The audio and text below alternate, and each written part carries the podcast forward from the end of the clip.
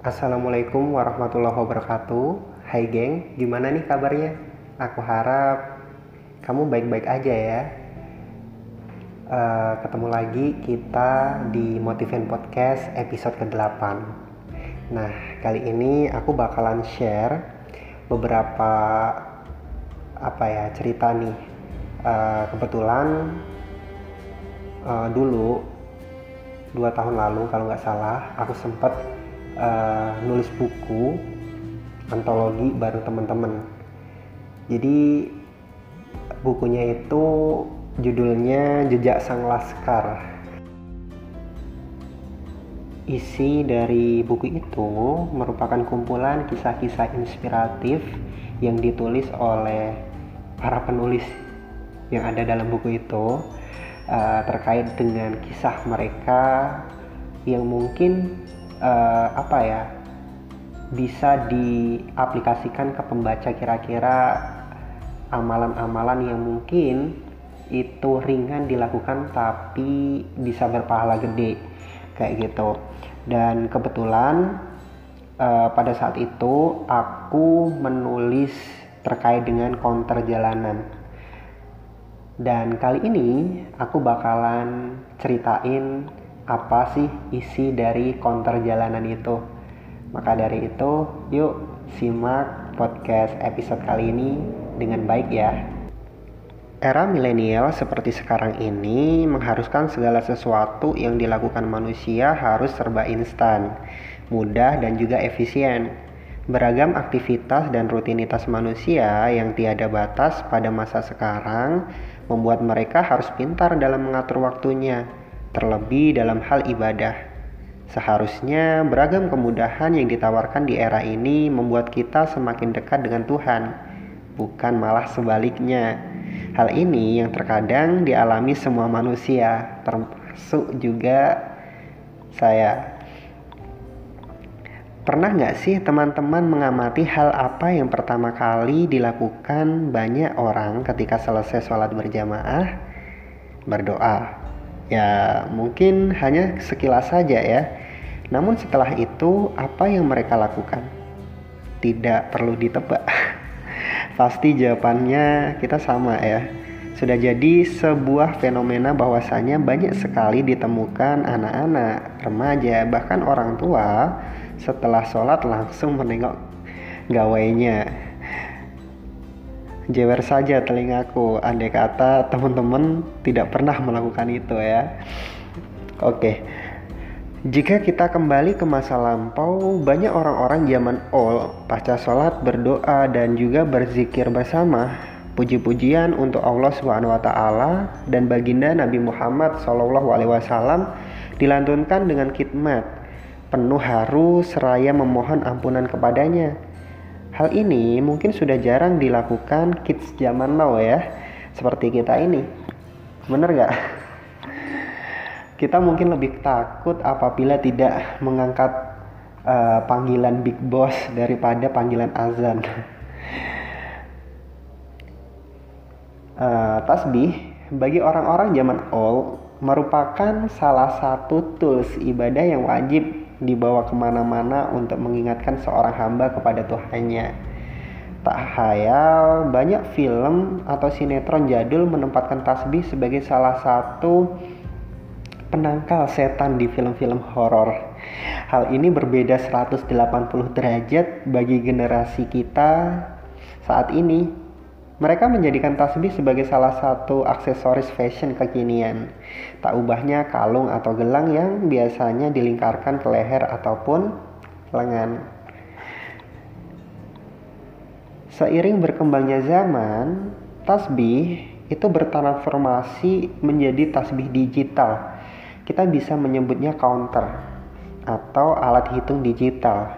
Tasbih ini lebih fleksibel dan efisien dilihat dan bentuknya yang kecil dan jumlah hitungannya yang bisa mencapai puluhan ribu. Keunggulan lain alat penghitung ini yaitu dapat dibawa ke mana-mana dan mudah sekali mengoperasikannya. Sedikit cerita, awal aku mengenal alat ini sudah cukup lama, sekitar tahun 2005-an. Namun, aku baru menggunakan alat ini sekitar tahun 2017-an. Awalnya, aku memandang alat ini tak ubahnya alat-alat kebanyakan dan tidak ada istimewanya. Ketika beberapa teman-teman kantor mulai memakainya dan salah satu teman memberikannya padaku, aku pun tidak lantas menggunakannya. Aku bukan seorang yang ahli di bidang agama. Tak hayal waktu pertama kali menggunakan alat tersebut, aku agak kesulitan. Kesulitanku ini bukan pada pengoperasiannya ya, namun uh, lidahku cukup keluh karena mengharuskan aku mengucapkan kalimat-kalimat kebaikan secara berulang-ulang. Ketahuan banget ya, jika selama ini aku jarang berzikir.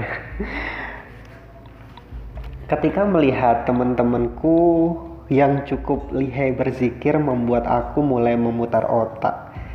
Jika aku melakukan sama persis seperti mereka, aku tidak akan kuat karena aku adalah orang yang golongan darah B. Emang kenapa? Jadi, kata kebanyakan orang itu golongan darah B ini adalah seorang yang mudi, mudah bosan dan tidak mudah diatur. Aku harap itu hanya terjadi pada aku aja ya bukan pada orang-orang yang bergolongan darah B lainnya. Jika kebanyakan teman-temanku menghabiskan beberapa waktunya untuk berzikir setelah sholat, lain lagi denganku. Aku lebih suka berzikir ketika sedang berkendara di jalanan.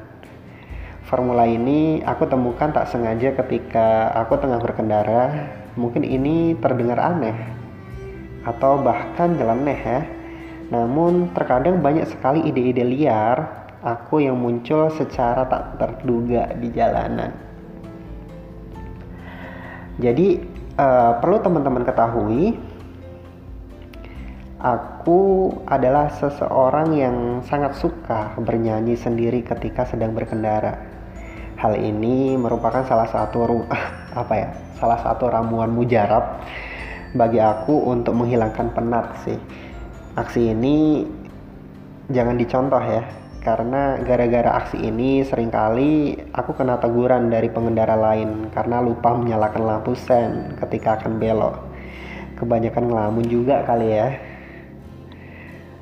Hal inilah yang melatar belakangi aku untuk merubah untuk berubah menjadi lebih baik lagi. Alunan lagu yang mungkin sering aku dengarkan ketika dulu berkendara itu aku ubah menjadi lantunan zikir yang terucap dari bibir. Waduh, asik banget nih ya. Jadi sebelum uh, aku berkendara, aku mulai membiasakan memasang counter di bagian jari telunjuk, telunjuk kiri tepatnya ya. Jadi alat ini selalu aku uh, selalu aku tekan apabila selesai mengucapkan kalimat-kalimat zikir. Aku pun mulai menikmati kebiasaan ini Alhamdulillah, setelah ditekuni, banyak sekali perubahan yang terjadi dalam hidupku. Terlebih ketika berkendara di jalanan, aku yang awalnya mungkin sering kehilangan fokus ya, gara-gara sering nyanyi sendiri kayak gitu, uh, kini mulai berkurang karena dulu uh, dulu sering banget aku ngantuk ketika perjalanan jauh akibat tiupan angin sepoi-sepoi kan enak banget kayak gitu ya. Tapi sekarang sudah nggak lagi. Tenaga yang dulu mungkin terbuang percuma karena nyanyi-nyanyi nggak jelas kini berbuah pahala. Bagi teman-teman yang memiliki permasalahan serupa seperti aku, aku rekomendasikan cara ini untuk diterapkan ketika teman-teman berkendara ya Selain pengaplikasiannya yang mudah, hal ini juga dapat mengurangi resiko stres ketika macet di jalanan. Bayangin aja deh, jika uh, kamu berzikir setiap 5 detik sekali akan ada 360 zikir yang kita lantunkan ketika perjalanan 30 menit. 720 zikir yang kita lantunkan ketika perjalanan 1 jam. Itu pun akan jauh lebih banyak apabila kecepatan zikir kita dipercepat dengan durasi lebih lama.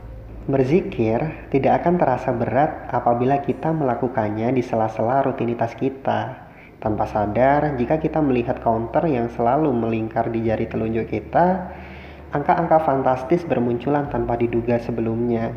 Pernah dalam satu waktu aku mengeceknya bisa mencapai ratusan bahkan ribuan digit angka bermunculan. Hanya dalam satu hari kalimat-kalimat kebaikan terucap dari bibirku tanpa aku ketahui. Sungguh, inilah sebenarnya salah satu nikmat iman dalam hidupku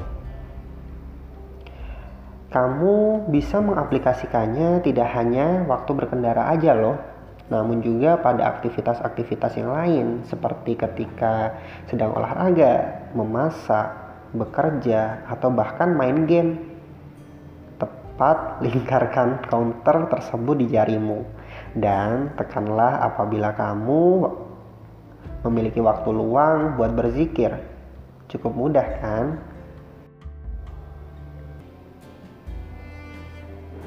Jadi, kenapa aku ngasih nama counter jalanan?